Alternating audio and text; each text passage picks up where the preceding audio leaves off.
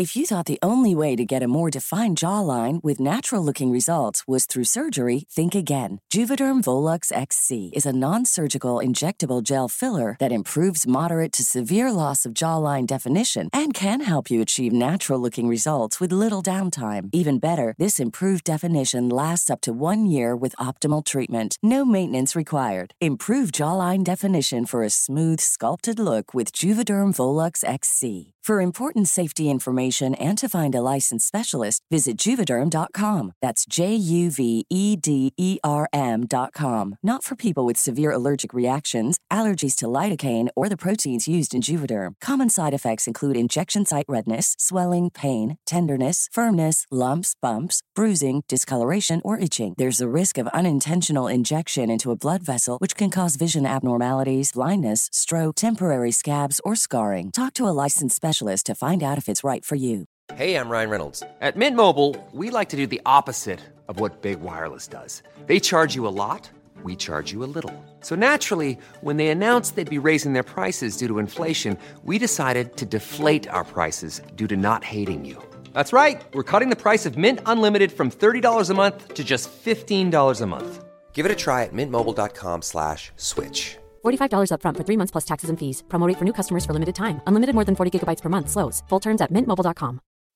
Spring? Is that you? Warmer temps mean new Allbirds styles. Meet the Super Light Collection, the lightest ever shoes from Allbirds, now in fresh colors. These must have travel shoes have a lighter than air feel and barely their fit that made them the most packable shoes ever. That means more comfort and less baggage. Try the super light tree runner with a cushy foam midsole and breathable eucalyptus fiber upper. Plus, they're comfy right out of the box. So, what can you do in a super light shoe? What can't you do is the better question. And because they're super packable, the real question is where are you taking them? Experience how Allbirds redefines comfort. Visit allbirds.com and use code SUPER24 for a free pair of socks with a purchase of $48 or more. That's A L L B I R D S.com. Code SUPER24.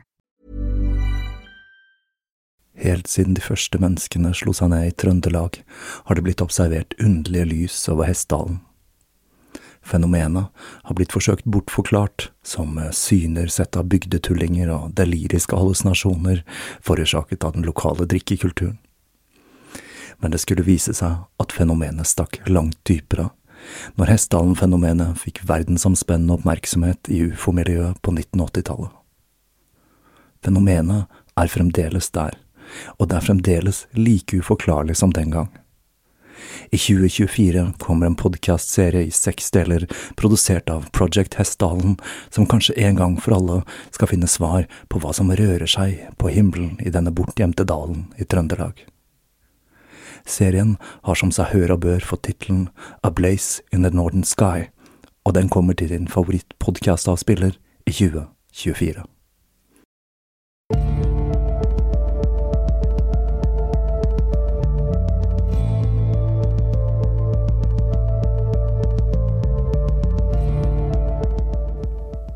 Hei og velkommen til uh, Tåkeprat.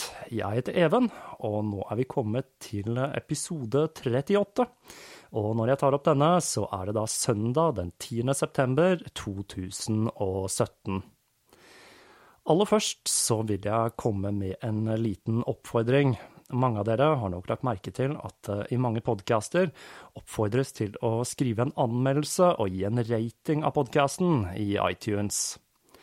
Slik jeg har forstått det, så er grunnen til dette er at uh, i algoritmene til iTunes så blir podcaster med mange stjerner løftet fram og mer synlige, og dermed lettere å finne. I og med at jeg ikke har noe stort uh, promoteringsapparat, er uh, rosablogger eller rikskjendis, så kan dette være en måte å gjøre potensielle lyttere oppmerksom på denne podcasten. Så jeg vil altså oppfordre dere som bruker iTunes, til å legge inn en aldri så liten anmeldelse av Tåkeprat. Om samtlige av Tåkeprat sine lyttere som bruker iTunes, hadde gjort dette, så tror jeg faktisk Tåkeprat hadde nådd helt til topps på iTunes sin liste over norske podcaster. Og det hadde jo vært litt artig, da, å danke ut radioprogrammene til NRK med en fullstendig egenprodusert podkast. Det er den muligheten som gjør dette formatet og demokratiseringen av kringkasting litt magisk. Så fremt man har godt innhold å by på, da. Det finnes nok av halvhjertede podcaster uten et skikkelig fundament der ute, men jeg håper og tror at eh, Tåkeprat skiller seg ut noe i det henseende. De fleste av dere har nok hørt om Vlad Tepers, og mange av dere har nok også sett de kjente treskjæringene av denne herren med bart, omgitt av spiddede mennesker. Men historien om denne mannen er i likhet med historien om Elisabeth Bathory og Jeanne d'Arc langt mer omfattende og en smule mer komplisert enn det man først kan få inntrykk av. I denne serien skal jeg forsøke å komme så nære den ekte Vlad Tepers som overhodet mulig, og gi Tåkeprat sine lyttere en dypere innsikt i livet og virket til denne valakiske voivuden. Og se der, allerede så støter vi på et par utfordringer. Vi snakker om middelalderen her, og et Europa som var i stadig endring. Jeg skal forsøke å guide og forklare så godt jeg kan, men det kan fort oppstå noe forvirring med navn og titler her. Spesielt siden jeg bruker engelske kilder, så kan det raskt snike seg inn en anglifisering eller to. For det første, Valakia var da et fyrstedømme som omfattet mye av dagens Romania, Transilvania og Karpatene. Et fyrstedømme det er en stat hvor herskeren ikke er en konge, og i dag så er Monaco og Liechtenstein eksempler på denne typen stat. Wales var også tidligere et fyrstedømme. En voivod det er da en gammel slavisk adelstittel tilsvarende en general eller en hertug. Denne historien byr også på en rekke språklige utfordringer.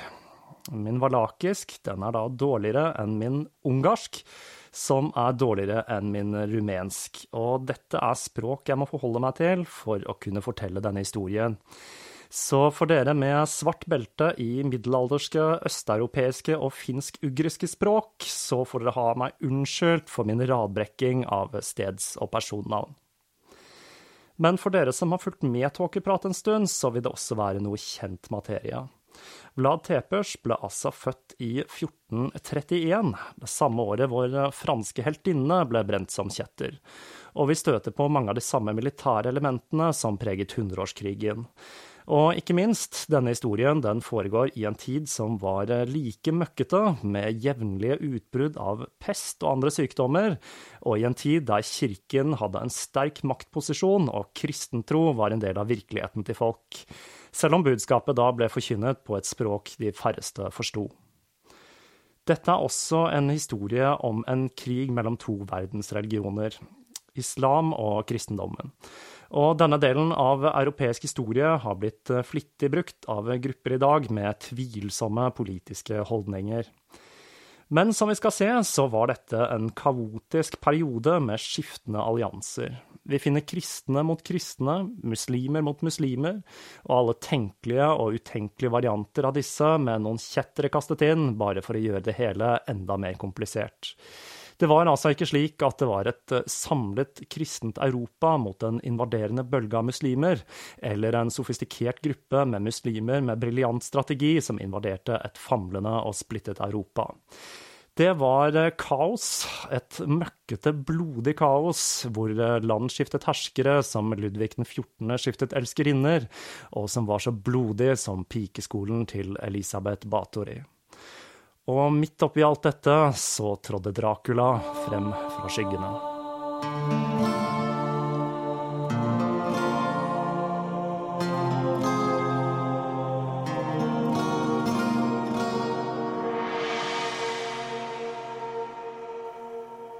Selv om de første eksemplene på trykkekunst stammer fra Korea, så er det Johan Gutenberg og hans eh, første trykte bibel som har fått æren for å starte trykkekunsten, og for å starte hva som var den første demokratiseringen av eh, informasjon. Litt på samme måte som internett har muliggjort eh, podcasting. Han oppfant den vestlige trykkekunsten, og hans eh, første bibel ble trykket i ca. 200 eksemplarer, hvorav 38 har overlevd frem til den dag i dag, og vel må kunne sies å være den hellige gral for boksamlere. Innen 1500 så hadde 250 byer trykkerier som masseproduserte bøker og skriv. De første bøkene var altså bibler og religiøse tekster, men i 1463 ble en av verdens første politiske tekster trykket. Den ble trykket i Wien, og temaet var Vlad Tepers, voivoden av Valakia. Og tittelen den var Historien om en blodtørstig galning kalt Dracula av Valakia og den var basert på et dikt skrevet av Mikkel Beheim, hoffpoeten til den hellige romerske keiser Fredrik 3. Beheim han hadde møtt predikanten broder Jakob, som ser ut til å være den eneste kilden til dette 1070 linjer lange dokumentet. Skrivet det ble utbrodert ytterligere av den ungarske kong Mathias Korvinus' skrivere, for å kunne fungere bedre som propaganda og denne fortellingen ble uhyre populær og ofte akkompagnert av groteske tresnitt. Og den er på mange måter det første eksempelet på en trykket skrekkhistorie. På samme måte som en av de tidligste filmene var Nosferatu, så ser vi altså at en av de første karakterene som fant veien til trykk, var ingen ringere enn den historiske Dracula. Stykket det begynner med følgende strofer. I Vår Herres år 1456 gjorde Dracula mange skrekkelige og merkelige ting. Videre så kan vi lese. Her begynner den grusomme og skremmende historien om en vill, blodtørstig mann, Voivod Dracula, fortellingen om hvordan han spiddet mennesker, stekte de og hakket de til småbiter som et kålhode. Han stekte også barn og tvang mødrene til å spise dem. Om Tepers angrep mot den saksiske byen Brasov, eller Kronstad på tysk, kan vi lese. Han førte vekk alle de han hadde tatt til fange i byen, til Sankt Jakobs kapell, og Dracula brente hele forstaden. De han hadde tatt til fange, menn og kvinner, ung og gammel, ble spiddet på åsen ved kapellet og i området rundt mens han satt og åt og koste seg. Det finnes en rekke av denne typen historier om Vlad Tepers, nedtegnet av munker, som denne nedtegnelsen om Tepers angrep mot landsbyen Almas.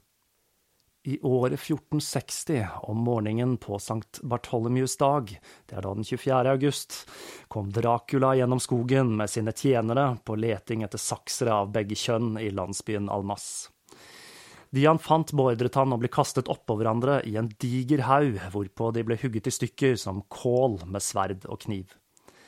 De han ikke drepte umiddelbart, slik som presten, ble ført tilbake til hans hjemland, hvor de ble hengt. Han beordret landsbyen og alle som bodde der, som var mer enn 30 000, å bli brent. Så tok han alle landene som ble kalt Figaras, og førte alle som bodde der, til Valakia. Menn, kvinner og barn, og han beordret de alle spiddet. Så beordret han at flere av hans bojarer skulle bli halshugget. Han tok hodene deres og brukte de til å dyrke kål, hvorpå han inviterte vennene deres til sitt hus og serverte de kålen. Han fortalte de at eh, nå spiser du hodet til vennene dine, og etter dette så beordret han de alle spiddet. Han beordret noen av sine menn til å bli begravet opp til navlen og beordret de skutt. Han beordret også flere stekt og flere flådd. Du kan si hva du vil, men det er iallfall mange referanser til kål i historiene om eh, Dracula. Bojar var da den høyeste tittelen i det føydale Valakia etter eh, Voivod. Og groteskeriene, de fortsetter. En dag hadde han tenkt ut en ny, fryktelig og skremmende måte å torturere på. Han beordret mødre spiddet med ammende barn, og han spiddet toåringer. Han tok vekk eh, barn fra mødrenes bryst, fikk mødrenes bryster kuttet av og dyttet barnas hoder gjennom hullene i mødrenes kropper før han spiddet de. Vi finner også en referanse som får meg til å tenke på Caligula. En av hans elskerinner fortalte at hun var gravid, så han fikk henne undersøkt av en jordmor, som fortalte at hun ikke kunne se tegn på at jenta var gravid. Så han tok elskerinnen og skar henne opp fra underlivet og opp til brystene og sa, La verden se hvor jeg har vært og hvor mine frukter ligger. Disse historiene er jo mildt sagt forferdelige, men vi snakker om en hærfører i middelalderen her, og denne typen sadisme og ekstrem blodtørst finner vi jo en rekke eksempler på i moderne tid. Fra kartellet i Mexico til folkemordet i Rwanda, så at en adelig på 1400-tallet, hvor menneskeliv var så flyktig som vinden, kunne utføre denne typen sadisme, burde ikke overraske. Men det som gjorde at Tepers skilte seg ut, var det at han overlevde som en legende, som en manifestasjon av det onde. Og fortellingen om Dracula den overlevde fram til Bram Stoker kom over historiene, som inspirerte han til å skape sin egen versjon av denne blodtørstige karakteren fra Valakia. For å forstå hvem denne voivuden fra Valakia var, så må vi først forsøke å forstå samtiden han vokste opp i, og bakgrunnen hans. Og for å forstå den, så må vi først se litt på opprinnelsen til navnet Dracul.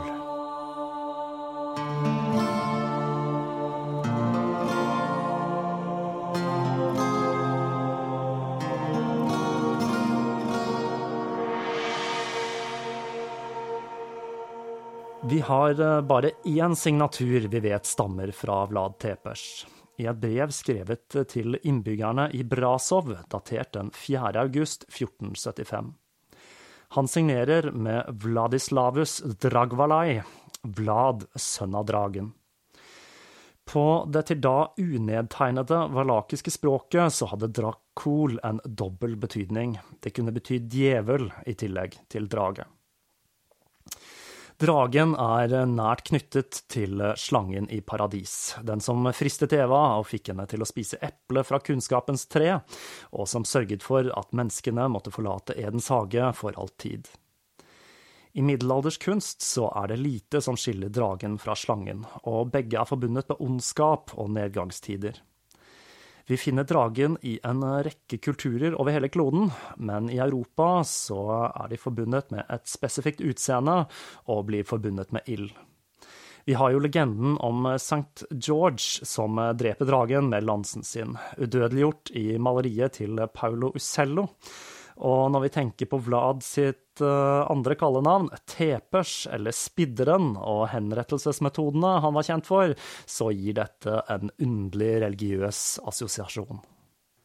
Det var faren til Tepers som sluttet seg til Drageordenen, antageligvis det samme året Vlad junior ble født. Men blant ordenens mange følgere så var det kun herskerne i Valakia som valgte å bruke drage som kallenavn sannsynligvis for å spre frykt blant sine fiender. Bestefaren til Vlad Tepers var Mirkae den store, noen ganger kalt den vise eller den gamle. Han var hersker i Valakia fra 1386 til 1418. Et land som var så stort som det moderne Romania, med Svartehavet i øst og Donau i sør. Det omfattet det meste av dagens Transilvania, og hadde en rekke festningsverk konstruert for å holde ungarerne ute fra rikets vestlige grense, og med et festningsverk på øya Girurgio på Donau som forsvarte den sørlige grensen.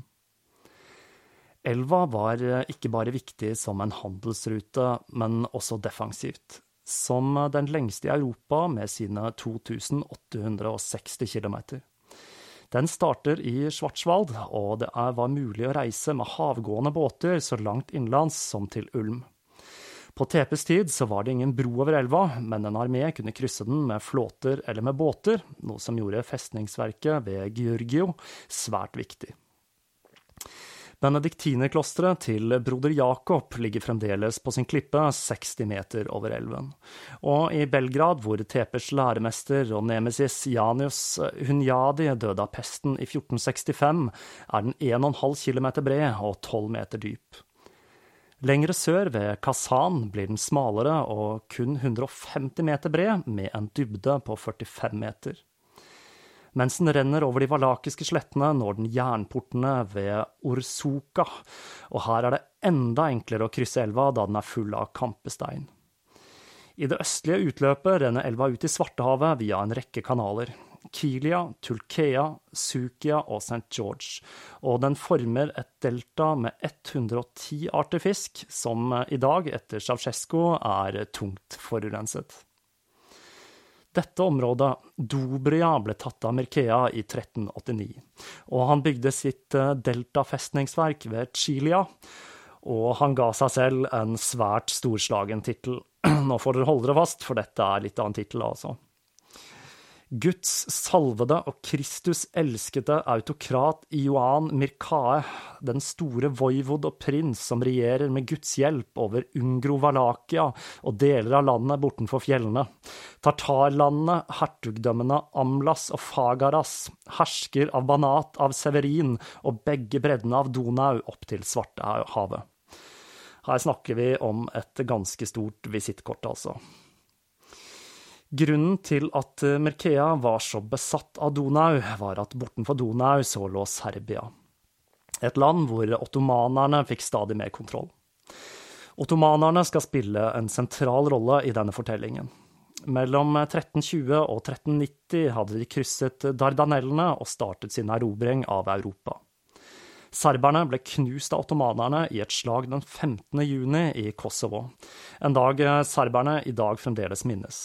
Det var der eh, sultan Murad den første ble drept.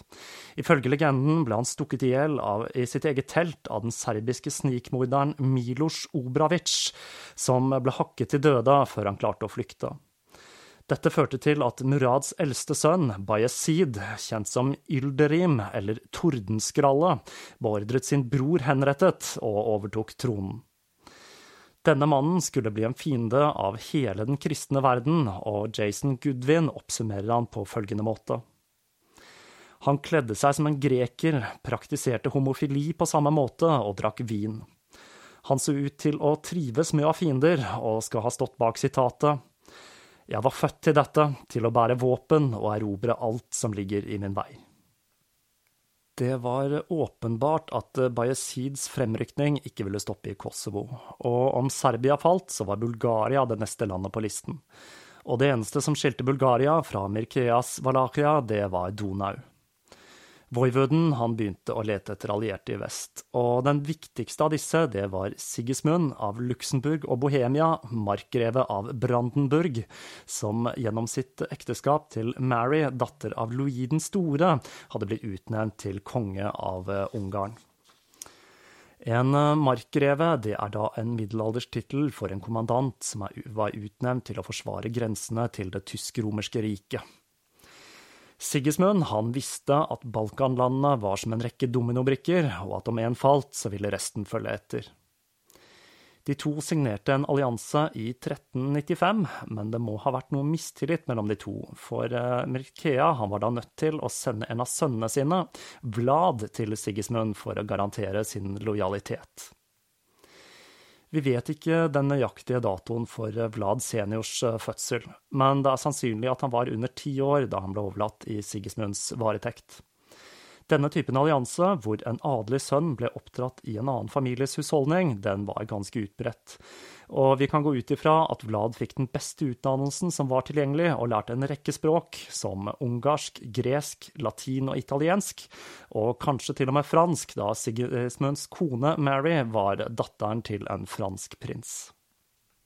Vi vet ikke hvem Vlads mor var, Mirkeas første kone var Maria av det ungarske huset Tolmai, og parets eneste overlevende barn, det var Mihail, som regjerte sammen med sin far etter 1408. Vlad var resultatet av en affære med en elskerinne, men eh, hans krav på den valakiske tronen var like sterkt som Mihails. På denne tiden i Valakia spilte det nemlig en rolle hvem som var barnets mor. Bastarder hadde da den samme arveretten som barn født innad i ekteskapet. Og det er jo lett å tenke seg at dette kunne føre til en del konflikt, spesielt i adelsfamilier der far i huset hadde flere elskerinner, noe som vel heller var regelen enn unntaket på denne tiden.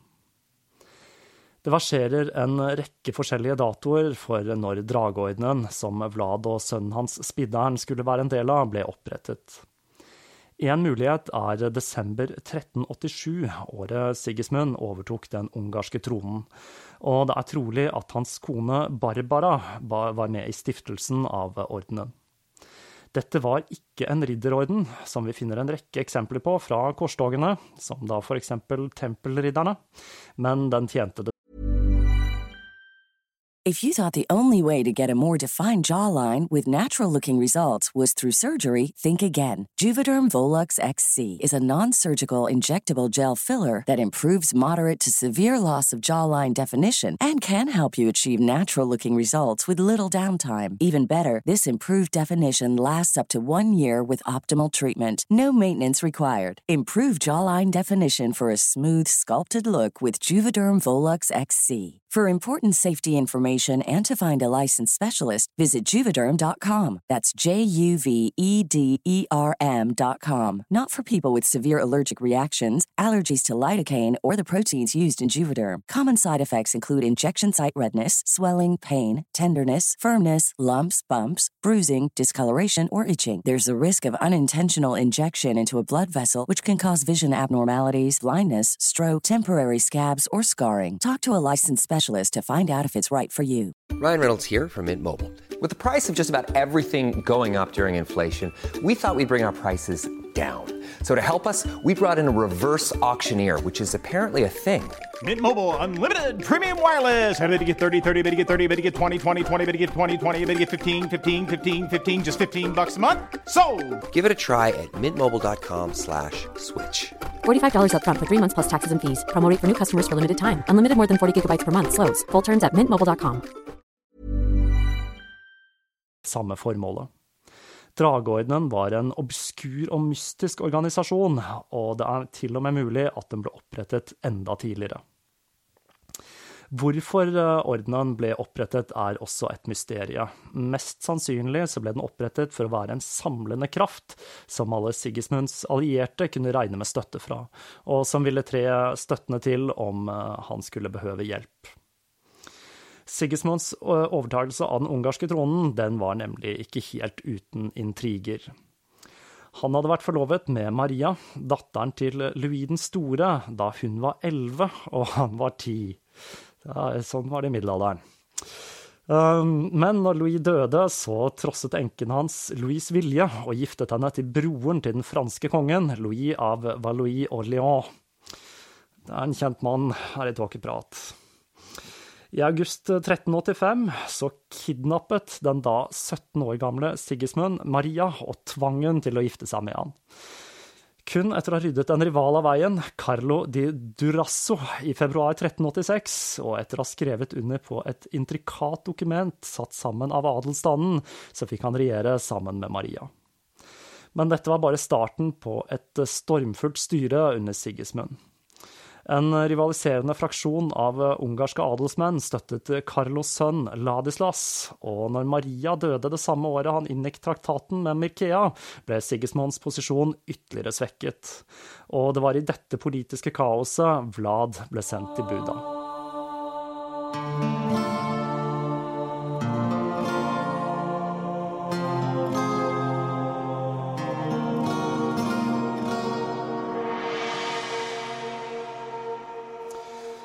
Bayezid Tordenskralle hadde beleiret Konstantinopel i 1396, men eh, nyheten om at eh, Sigismund hadde startet et korstog mot han, gjorde at han brøt beleiringen og red nordvest for å møte fienden.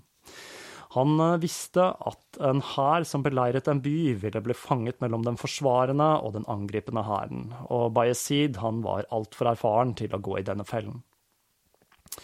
Korstoget i 1396 begynte med en hær med 6000 franskmenn og burgundere som marsjerte for å befri Konstantinopel. Hovedstaten i Bysants hadde blitt beleiret mange ganger tidligere, men det hersket nå en tro på at dette var det endelige slaget, og at om byen falt, så ville dette være slutten på sivilisasjonen slik de kjente den. I Buda så slo de seg da sammen med Sigismunds hær, som besto av tautonske og ungarske riddere, som sammen med soldatene og bueskytterne må ha utgjort ca. 20 000 mann. Men korsfarerne de ble tatt med buksene nede på en åskam som lå over festningsverket Nikopolis ved Donau den 25. september. Det er en rekke sprikende forklaringer på hva som egentlig skjedde, men alle sammen peker mot dårlig organisering fra korsfarernes side. Det som skjedde, kan oppsummeres på følgende måte. Bayezid han sendte ut en gruppe lettkavaleri, vel vitende om at de kristnes foretrukne taktikk det var stormangrep med armerte riddere. Sigismund han nærmet seg sakte med sitt ungarske infanteri, mest sannsynlig etter råd fra Mirkae, som da kjente til tyrkernes bruk av uortodoks taktikk. Men noen, mest sannsynlig hertugen av Burgund, beordret et stormangrep med soldatene sine, som da besto av tungt armerte hester med riddere i rustning og fotsoldater. Det å angripe i en motbakke med denne typen kavaleri, det var ikke spesielt lurt, og det var akkurat dette Bayezid hadde regnet med. Det er lett å forestille seg de valakiske soldatene som sto og så på i sjokk og vantro når det fargesprakende, pansrede franske kavaleriet slet seg heseblesende opp bakken etter det lette tyrkiske kavaleriet. Hadde ikke Mirkae advart de mot akkurat dette? Da de franske soldatene nådde bakketoppen, løste tyrkernes kavaleri seg opp, og de oppdaget til sin forskrekkelse at de var omgitt av tyrkernes janitsarer. En spesiell type fotsoldat vi skal høre mer om senere. Og foran de var det spisse staur stukket ned i bakken. En taktikk vi kjenner godt fra historien om Jeanne d'Arc, og som engelskmennene benyttet flittig i hundreårskrigen. Det som fulgte, var et blodbad. De vettskremte hestene ble presset mot og spiddet på staurene, og de tungt armerte mennene kjempet en håpløs kamp mot en tallmessig overlegen fiende. Tordenskrallet beordret 24 av de fremste ridderne henrettet, og en rekke væpnere ble tatt til fange for å bli trent opp som janitsjarer. Før solen gikk ned, var 10 000 korsfarere slaktet av Bayezids armé. Mirkae han skjønte at slaget var tapt når han så de franske soldatene starte sitt stormangrep, og han flyktet med soldatene sine tilbake til Valakia, fulgt av en gruppe tyrkisk kavaleri som plyndret, brant og voldtok seg gjennom landsbygda. Nikopolis skulle bli en skamplett, og i Paris var det forbudt å si dette navnet ved hoffet. Og de overlevende de ble truet med hengning om de fortalte hva som hadde skjedd denne fatale dagen. Sigismund ble sendt i eksil i fem år som en følge av dette, og han kjempet mot eh, rivalene sine fram til han igjen tok den ungarske tronen i 1408 og reinstituerte Drageorden for å hedre de som hadde hjulpet han med å gjøre akkurat dette. Medlemmene bar et tegn, signum draconis, for å vise sin tilhørighet til fraternis draconem, eller dragens brorskap. Medlemmene av ordenen sverget troskap til Sigismund, hans kone og hans arvinger, og sverget på å forsvare de og deres landområder mot angrep eller konspirasjoner. De sverget også å forsvare hverandre og gi hverandre støtte om det skulle trengs. Medlemmene var også forpliktet til å delta i de andre medlemmenes begravelser. På mange måter hadde altså Drageordenen en rekke likhetstrekk med de mange ridderordnene, men det var også en del ulikheter, den hadde ingen skytshelgen, selv om St. George blir nevnt en rekke ganger. Vi hadde ikke noe hovedsete og ingen jevnlige møter, og ikke minst, det var ikke noe krav om en riddertittel. Dette kan ha vært en ren politisk organisasjon, men dette vet vi ikke. Dette var altså en vaskeekte hemmelig organisasjon, en slags middelaldersk Illuminati her, altså. Sigismund var tro mot sitt ord og fordelte en rekke landområder og titler til drakonistene. Så i praksis så var det drageordenen og ikke kongen som var den reelle makten i Ungarn innen Sigismunds død i 1437. Fire år før dette ble drageordenens pakt velsignet av pave Eugenius 4., når Sigismund ble kronet til den hellige romerske keiser i 1433. Før denne tid så skulle Sigismund bli den romerske kongen fra 1410 og kongen av Bohemia fra 1419. Fyrstedømmet til Mirkea det ble reddet fra Bayasids angrep av en annen erobrer fra øst. Tartaren Timur Ileng, som var født ca. 1346 ved Samarkand. Denne tyrkiske muslimen førte en gigantisk hær vestover, mens hans protesjé protetsjé Tuktamish sveipet nord og inn i Russland, hvor han brant Moskva i 1381 og slaktet tusenvis av dens innbyggere, mens Timur fortsatte vestover. Han ble møtt av en delegasjon våren 1398 som besto av ambassadører fra Konstantinopel, emirer fra Anatolia, emissærer fra Venezia og Genova, og sendebud fra kongen av Frankrike, som ba han om å knuse det ottomanske riket. Bayesids rike strakte seg nå hele 430 000 kvadratkilometer, og han var blitt svært upopulær, for å si det forsiktig. Selv om Timur avviste tilbudet fra de kristne, så innså han at ottomanerne og tatarene før eller siden ville brake sammen, så han bestemte seg for å handle. Først ledet han hæren sin til byen Sivas, hvor han henrettet sønnen til Bayezid og brant 3000 soldater levende. Det er artig med middelalderhistorie. Han brant altså 3000 soldater levende. Bare tenk litt på hvordan dette må ha foregått, hvilket kaos det må ha vært, og ikke minst lukten av de brennende likene og skrikene til de døde. Det hele må ha fremstått som verdens ende for de som ble utsatt for Timurs vrede. Med en styrke som var dobbelt så stor som tordenskrallet sin, så møttes de to hærene i Ankara den 28. juli 1402. Og denne gangen så var det Bayezids tur til å bli tatt med buksa nede.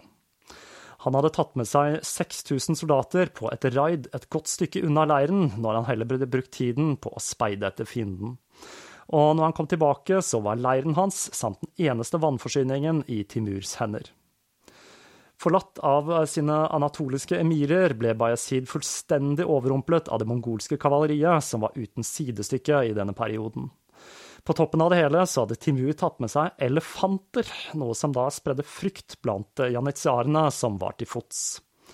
Og Bayezid, tordenskrallet, ble nå selv tatt til fange. Bayezid ble lagt i lenker i et bur og dratt i støvet etter Timurs hær. Kona hans ble tvunget til å servere Timur naken ved bordet hans, til elleville tilrop fra soldatene hans.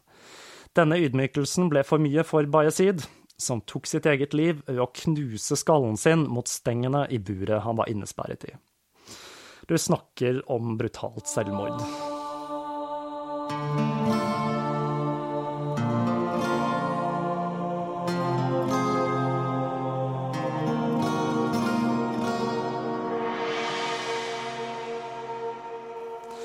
Hele Europa trakk et lettelsens sukk, men Timur han lot seg ikke stagge. Han erobret Issimir i Anatolia, hvor han halshugget befolkningen og lagde en pyramide med de avkappede hodene. Og en annen artig historie om Timurs erobringer har overlevd. Da han kom til Efesus, så sendte byens befolkning ut barna sine med blomster og sang, i et håp om at dette ville mykne hjertet til den blodtørstige tataren. Fortellingene sier at eh, Timur utbrøt 'Hva er den støyen?' før han trampet barna til døde med kavaleriet sitt. Heldigvis for Europa så førte Timur hæren sin østover og til Kina, hvor han senere møtte sitt endelikt. Siden 1408 hadde Merkea styrt Valakia sammen med sin eneste ekte sønn Mihail. Men eh, selv før hans død ti år senere, og Mikhail sitt dødsfall eh, to år etter det, blusset opp nye konflikter i fyrstedømmet.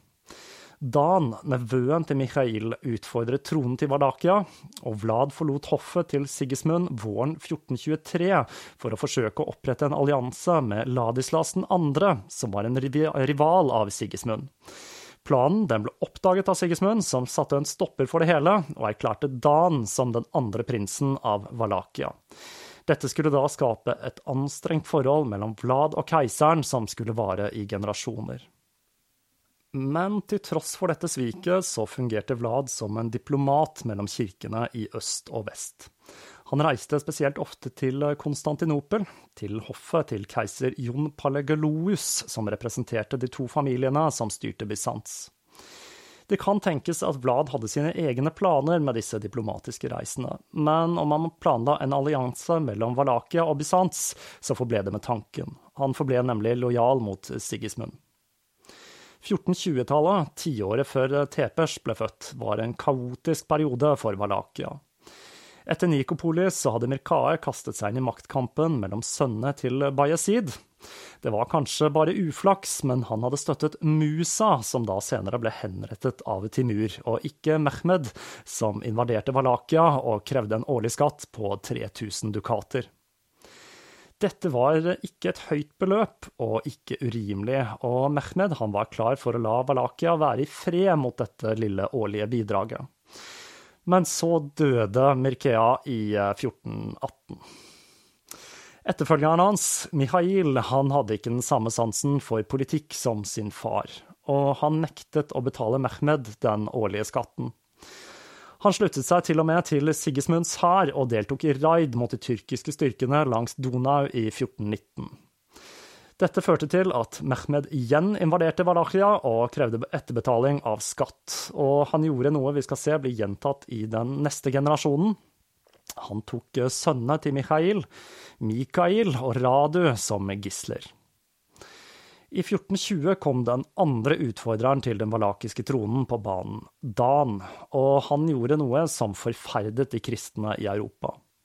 Han ba tyrkerne om hjelp, og med dette så klarte han å ta livet av Mikhail, og han tok den valakiske tronen som prins Dan den andre.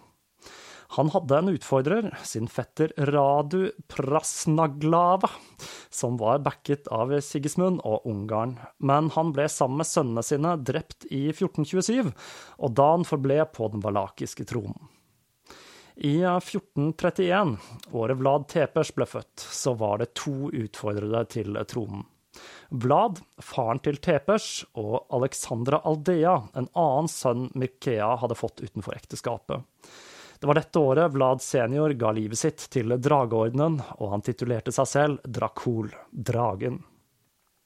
Historien om husittkrigen er vesentlig for å forstå posisjonen til Drageordenen. Jan Hus var sønnen av en bonde, og han ble født i 1369. Han var en meget smart mann som til tross for å være en bondesønn tok en master ved universitetet i Praha i 1396, det samme året som slaget ved Nikopolis sto. Han ble inspirert av filosofien til engelskmannen John Wycliffe, og forsøkte på samme måte som Martin Luther å reformere kristendommen. Han forkynnet en form for kristendom som la vekt på skriftene, og som så på pilegrimsferder og relikvier som overtro. Vel, dette var da ikke et spesielt populært syn på denne tiden, og skriftene hans ble brent, og han ble bannlyst i 1411, og Jan Hus han ble henrettet for kjetteri den 6. juli 1416. I kjølvannet av henrettelsen hans så var det mange bønder og adelige som brukte Jan Hus' lære for å forsøke å slå tilbake mot den mektige katolske kirken, og dette regnes av mange som starten på tsjekkisk nasjonalisme. Husittene hadde en svært dyktig general, Siska, en adelsmann fra Truksnov, som hadde kjempet med teutonerne mot polakkene, med Sigismund mot tyrkerne, og selv med engelskmennene ved Assincourt. et slag vi husker fra historien om Jeanne d'Arc, og som snudde maktbalansen i hundreårskrigen. Siska hadde til og med mistet et øye, men dette hindret han ikke i å organisere opprørene i Praha den 30. juli 1419. Sigismund han sendte en hær som annet besto av medlemmer av Drageordenen for å knuse opprøret. Men Siska han slo de i en rekke slag som endte med at han bygde sin egen festning ved Tabor, noe som ga følgerne hans kallenavnet taboritter. Innen festningen var bygget, hadde Siska mistet synet på det andre øyet, og var nå blind. Men til tross for dette så fortsatte husittene å vinne slag etter slag. Du kan si hva du vil, men folk på denne tiden de var i alle fall hardføre. Disse seierne skyldtes i stor grad taborittenes innovative taktikker. De benyttet seg av såkalte Wagenburg. Dette var da sirkler av armerte vogner med soldater med armbrøster, og de var noen av de første i denne regionen som benyttet skytevåpen. Dette er en taktikk vi kanskje først og fremst forbinder med det ville Vesten i dag, men dette var altså en langt eldre strategi. Når det gjelder dette med skytevåpen, så var jo dette lenge før man oppdaget riflede løp, og her snakker vi nok om børser der ladningen med krutt måtte antennes med et fyrtøy, litt som en bærbar kanon. Personlig så ville jeg kviet meg for i det hele tatt holde en av disse børsene når de ble avfyrt, av frykt for at hele greia skulle gå i luften. Og treffsikkerheten til denne typen våpen, den var vel på nivå med en full mann på en minigolfbane. Om ikke det man siktet på sto rett foran munningen på våpenet, da. Det er jo også mulig. Så effekten til disse våpnene den kan vel tenkes å ha vært like mye psykologisk som noe annet. Siska invaderte Ungarn og Sør-Tyskland før han til slutt døde av middelalderens svøpe. Han ble rammet av pest i et av disse sykdomsutbruddene som la deler av Europa øde, og som spredde frykt og overtro, og annet skapte grobunn for troen på hekseri og vampyrer, med de konsekvensene det førte med seg. Men husittene de fortsatte krigføringen sin under Andrew Prokop, en prest slash general som ledet raid så langt som til Dresden og til Leipzig. I Nürnberg i 1430 så insisterte han på at Hus berømte fire trosartikler skulle leses høyt på torget. Til syvende og sist så var det indre stridigheter som felte organisasjonen, og Prokop døde i et slag mot Sigismund og drageordenen i Lipan i 1433. Det som er vesentlig for vår fortelling, er at eh, Drageordenens dekreter bandt medlemmene til å bekjempe kjettere i kirkens navn, og medlemskap i den katolske kirken var en forutsetning for å kunne bli medlem. Innen 1431 hadde en traktat mellom Sigismunds ungarere og ottomanerne løpt ut, og de hadde fått en ny sultan, Murad 2., som da hadde tatt tronen på det vanlige viset, ved å drepe alle rivaler, inkludert hans bror og onkel. Det ottomanske riket hadde blitt rystet i grunnvollene etter herjingene til Timur, men under ledelsen til Murad 2. var de igjen nå klare for å marsjere nord og for å erobre nye territorier. I 1431, i den valakiske byen Sigisora, skrek et nyfødt guttebarn for første gang. Jordmoren la det nyfødte barnet i armene til moren, hvor gutten falt til ro.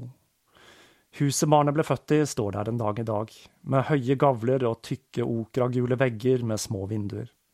Vi vet ikke hvem moren var, men gutten ble oppkalt etter sin far. Vlad Dracul, dragen, djevelen.